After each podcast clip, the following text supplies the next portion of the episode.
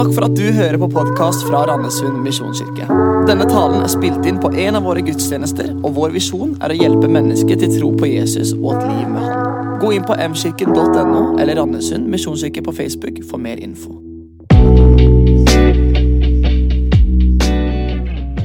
I oktober så drev jeg og jobbet, og så hørte jeg på masse taler mens jeg jobbet.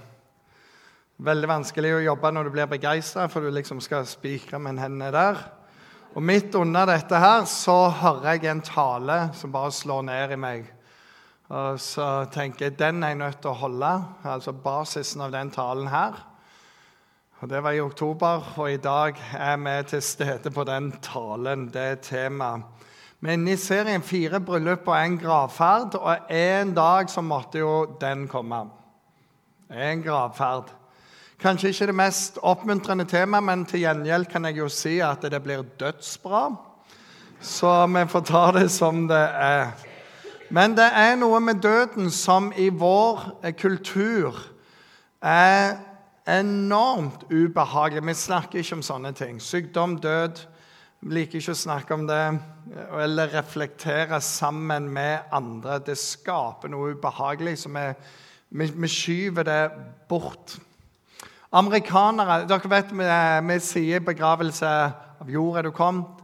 Jord skal du bli. Amerikanere sier 'from dust to dust', altså bruker mer begrepet støv.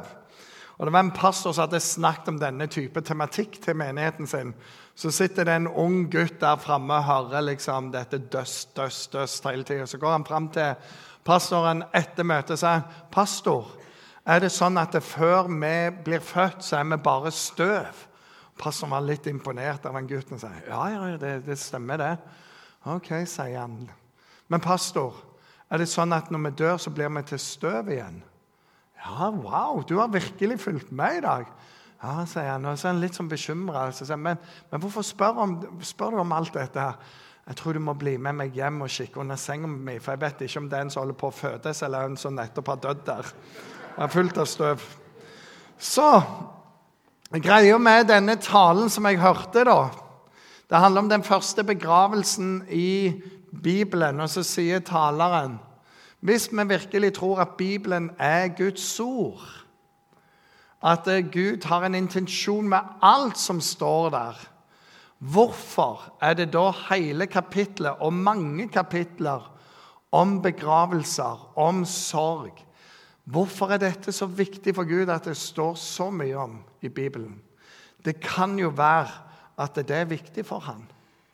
At det er viktig at vi tar sorgen på alvor. At det å miste noen, det er ikke bare noe vi tar lettvint på. Og det ga meg en hel, hel tale. Og det er det vi skal få lov å se på. Og teksten går som så. Sara ble 127 år gammel. Så lenge, levde hun. Sara døde i Kiryat Arba, det er Hebron i Kanaan. Og Abraham gikk for å sørge og gråte over henne. Så reiste han seg, gikk bort fra den døde og sa til hetittene.: Jeg er innflytter, fremmed, innflytter og blant dere. La meg få kjøpe et jordstykke hos dere til gravsted, så jeg kan bære ut henne som er død, og gravlegge henne første begravelsen. Men i Bibelen så vil vi lese om veldig mange. Deborah, Rakel, Isak, Moses, Jakob, Josva og mange andre GT. Så blar du om, så får du Lasarus, og så får du Jesus. Begravelse, stort tema.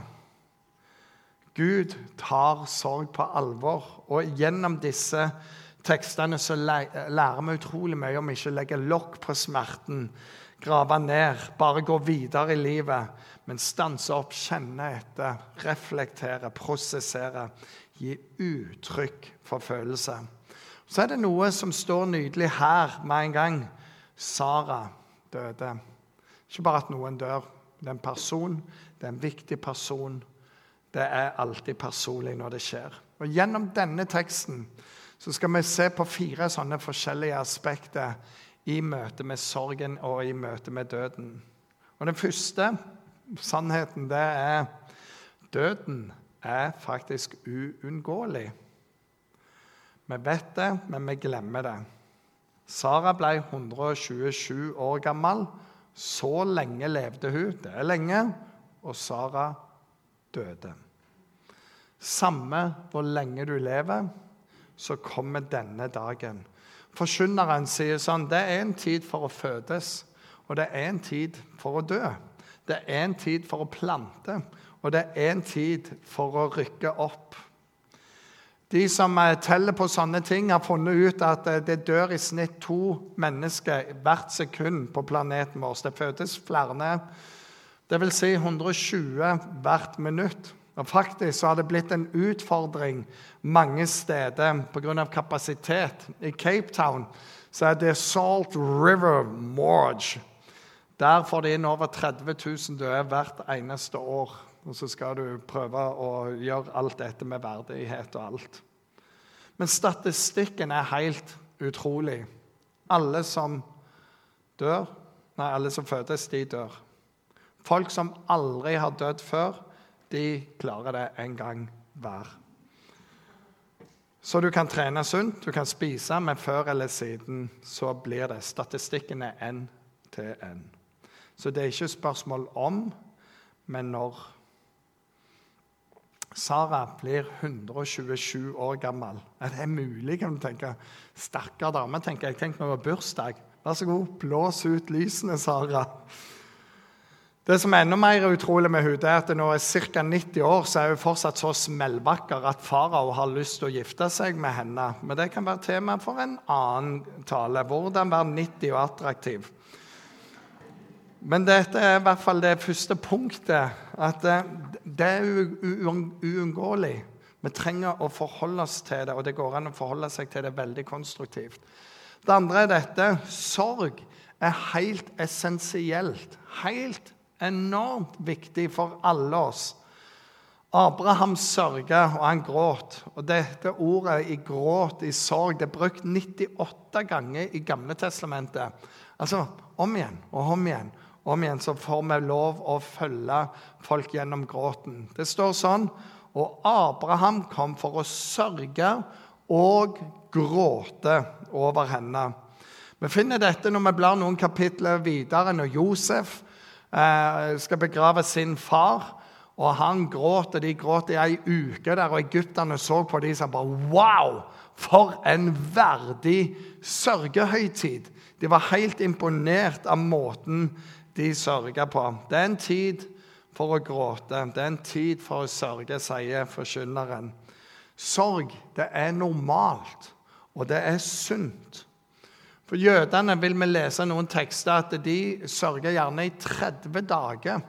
Vi skal lese det om Moses senere. I 30 dager sørger de, og så.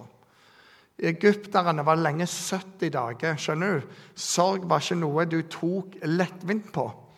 Og det var veldig demonstrative sørgeperioder. Hvis du har lest litt, så vil du se at når noen døde, så flere folk klærne sine i stykker. De kaster gjerne aske på rodet sitt.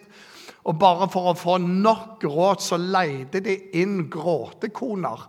Sånn at det gråtetrykket skulle være sterkt nok. Det skulle være verdig nok.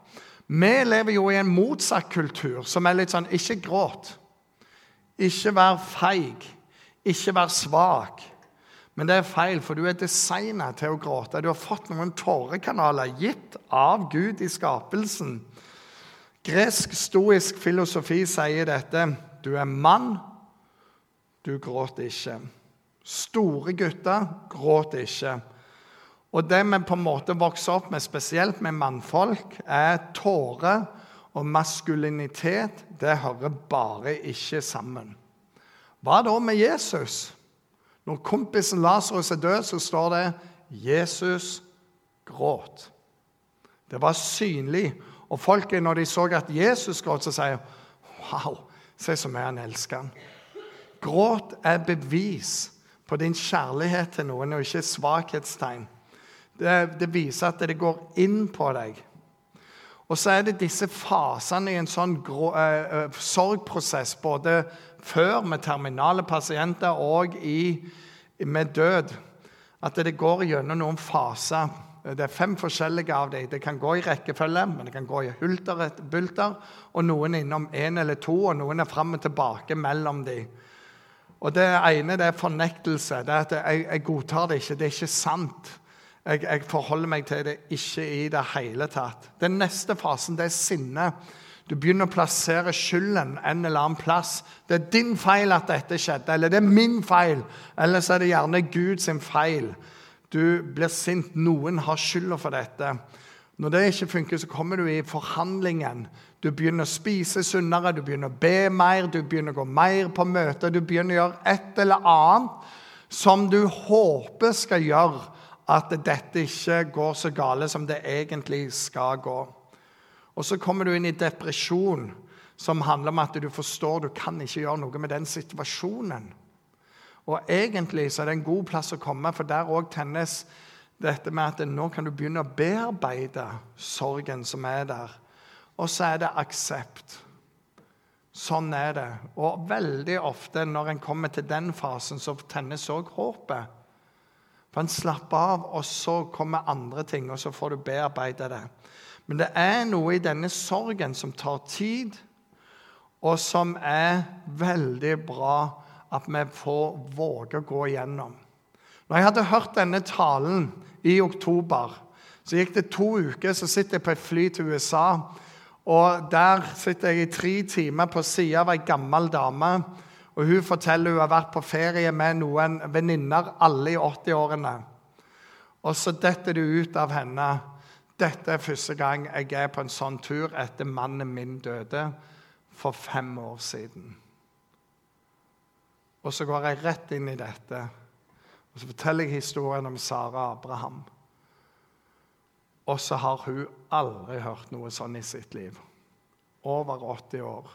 God kristen dame så det lov å sørge. Det er lov å kjenne på smerte.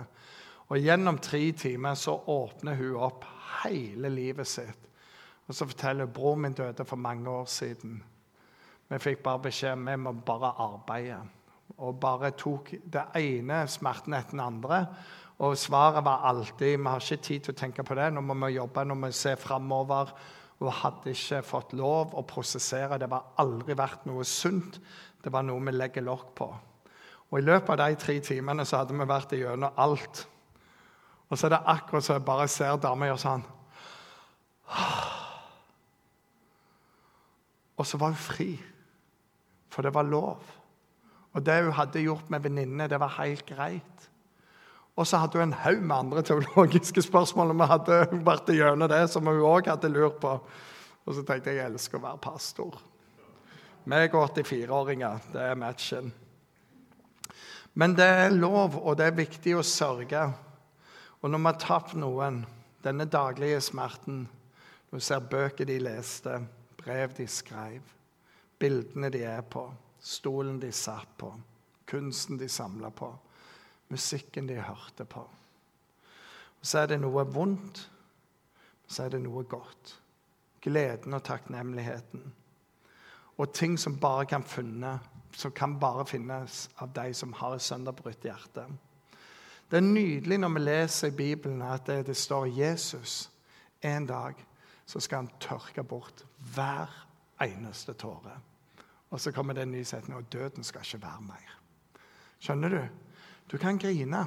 Og han griner ut din sorg, gi uttrykk for den. Og en dag står du med Jesus, og han sånn Det går bra. Det er bra. Kom her.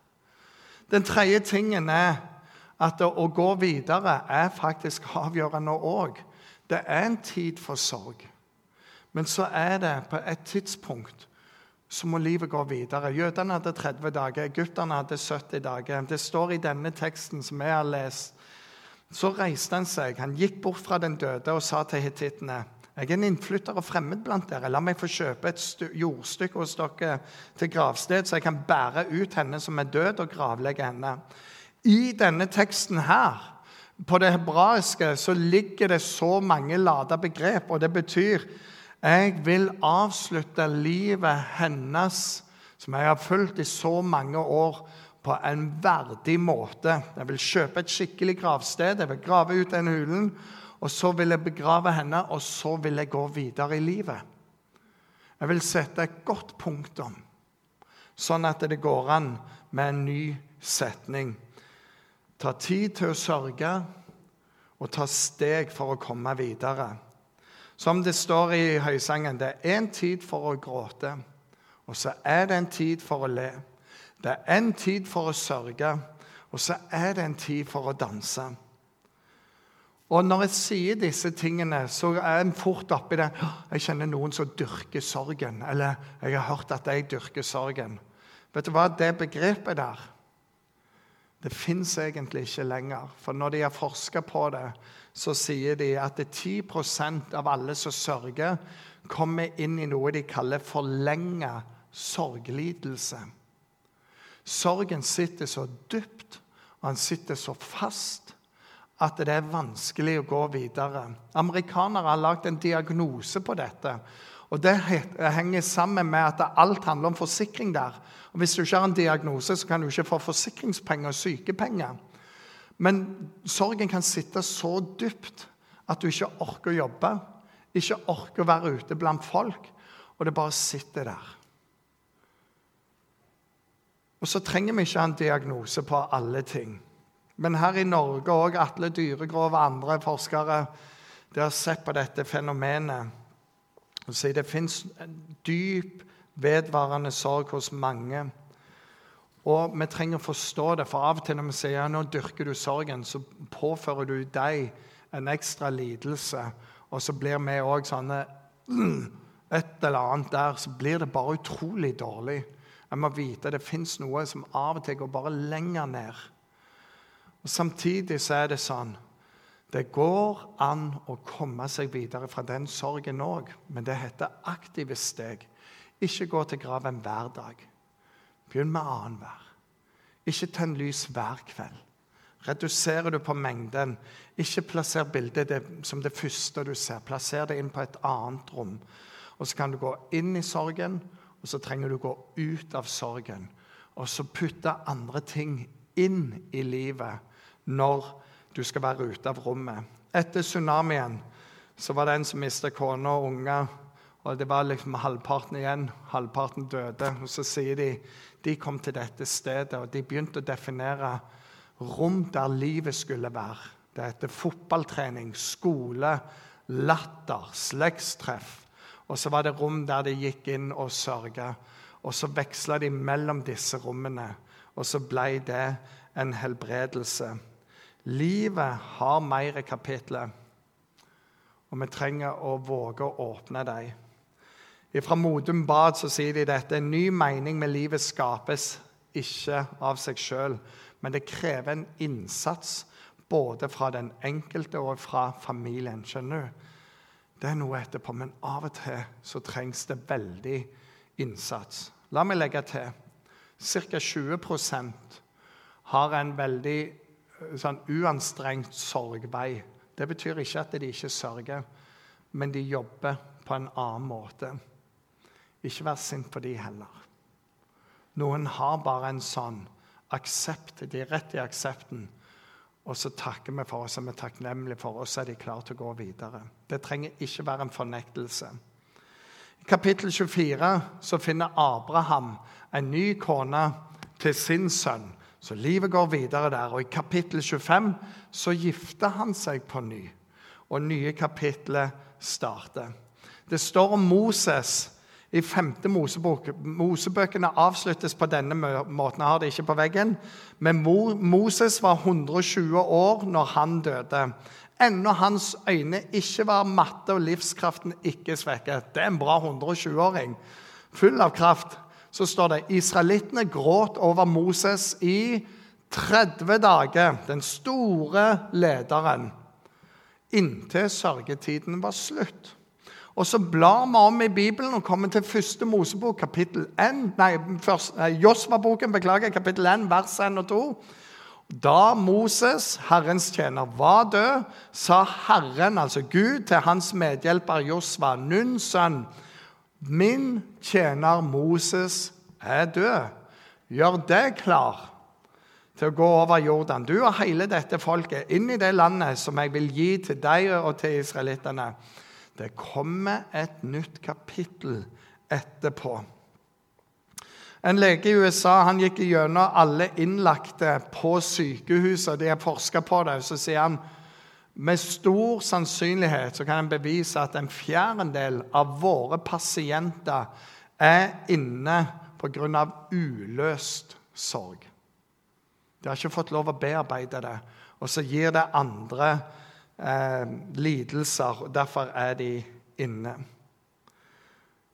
Når kona er 127 år, så er det kanskje på tide å la henne få lov å møte Jesus. Men vi trenger tiden til sorg, tid til å gå videre. Og så er den fjerde at vi trenger også å forberede oss for dette. Står det, Etter dette gravla Abraham Sara sin kone i hulen på Makpela-marken øst fra Mamre, det er Hebron i Kanan. Slik ble det stadfesta at marken og hulen der skulle tilhøre Abraham som gravsted, kjøpt av hetittene.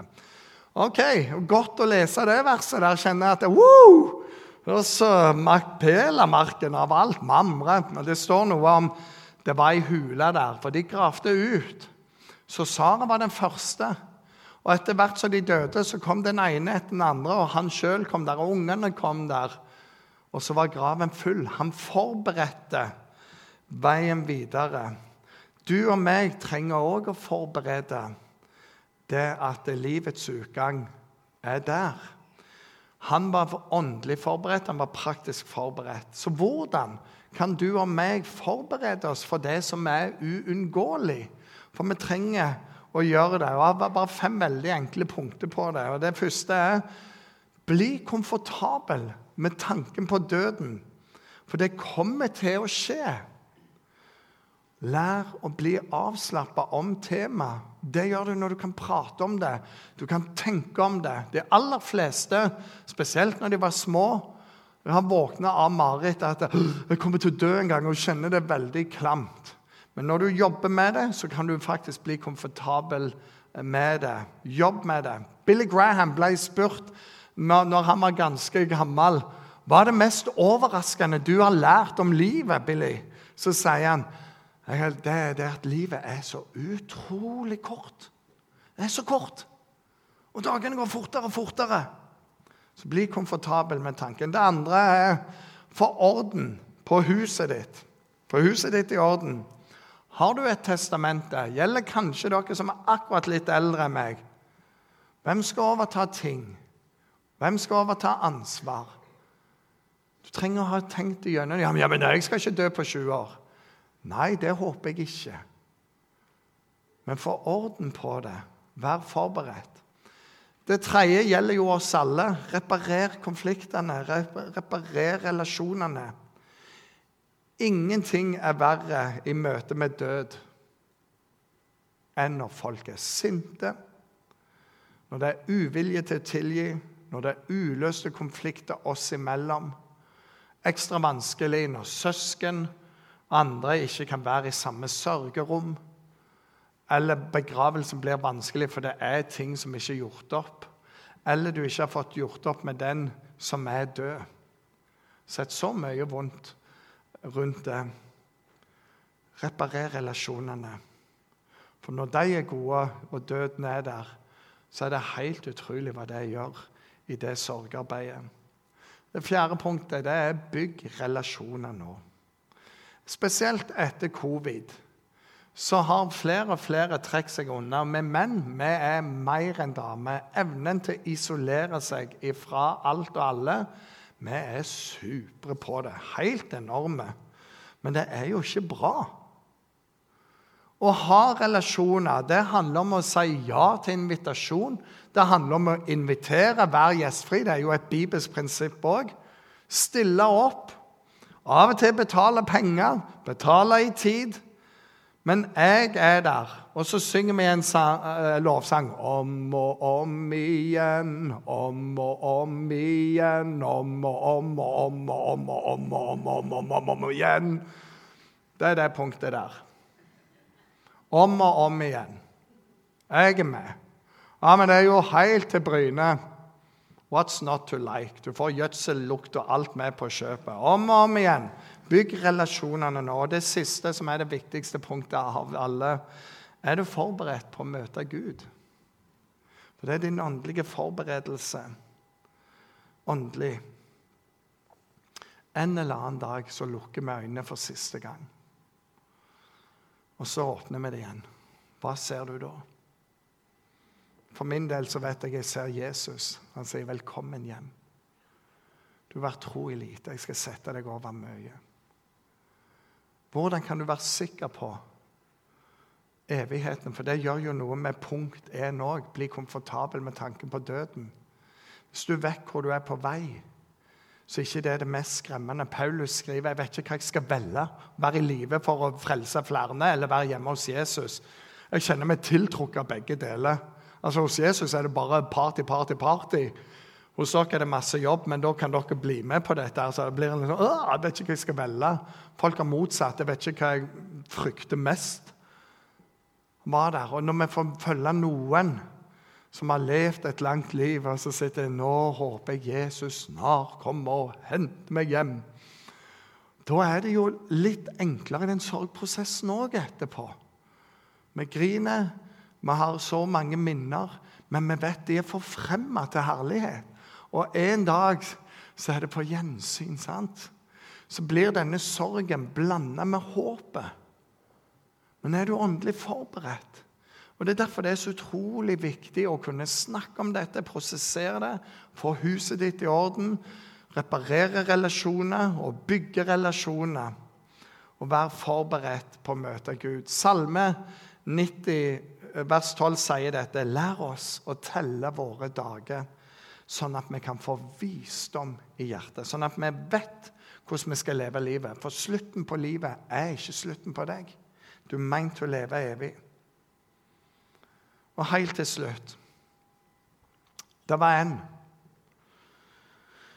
som ga sin egen sønn i døden for oss. Han visste det var det som skulle til. Og så står det ved hans sår har vi fått legedom. Våre smerter, de tok han på korset. Han kom, kom unna forbannelse for at du og jeg skulle bli fri fra forbannelse. Jesus mista sitt liv for at du skulle få liv. Og han sier, 'Kom til meg, alle dere som har tunge byrder, og jeg vil gi dere hvile.' og midt i sorgen. Og han skal tørke bort hver eneste tåre. Nå skal vi be sammen, og etterpå så blir det en solosang. Og så skal vi få lov å sitte under den og være i bønn og være i ettertanke. Når den er ferdig, så blir det lovsang, og da går det an å skrive bønner, bli bedt for. Ikke bær ting alene. Få sorgen ut. Jobb med det, sånn at du kan ta det neste steget. Vi ber i sammen. Herre Jesus, dette var ikke tidenes kule tale. Men jeg takker deg for at Bibelen er så full av begravelse og full av tårer og full av smerte. At du er midt oppi det. Du er med oss i sorgen og gjennom sorgen. Og så takker jeg deg for det kommer nye kapitler etterpå. Det er ikke alltid livet ble sånn som vi ville det, og sånn som vi planla det. Men du er med oss i alle dager inntil verdens ende. Herre, jeg takker deg for denne dama som jeg fikk lov av å snakke med på flyet. Som gjennom en tre timers samtale bare får lov å få sorgen opp og ut. Og få lov å legge det hos deg. Herre, du ser alle som bærer på en sorg som er trykt ned, som er gjemt unna. For det var nok nå. Det var ikke tid til mer.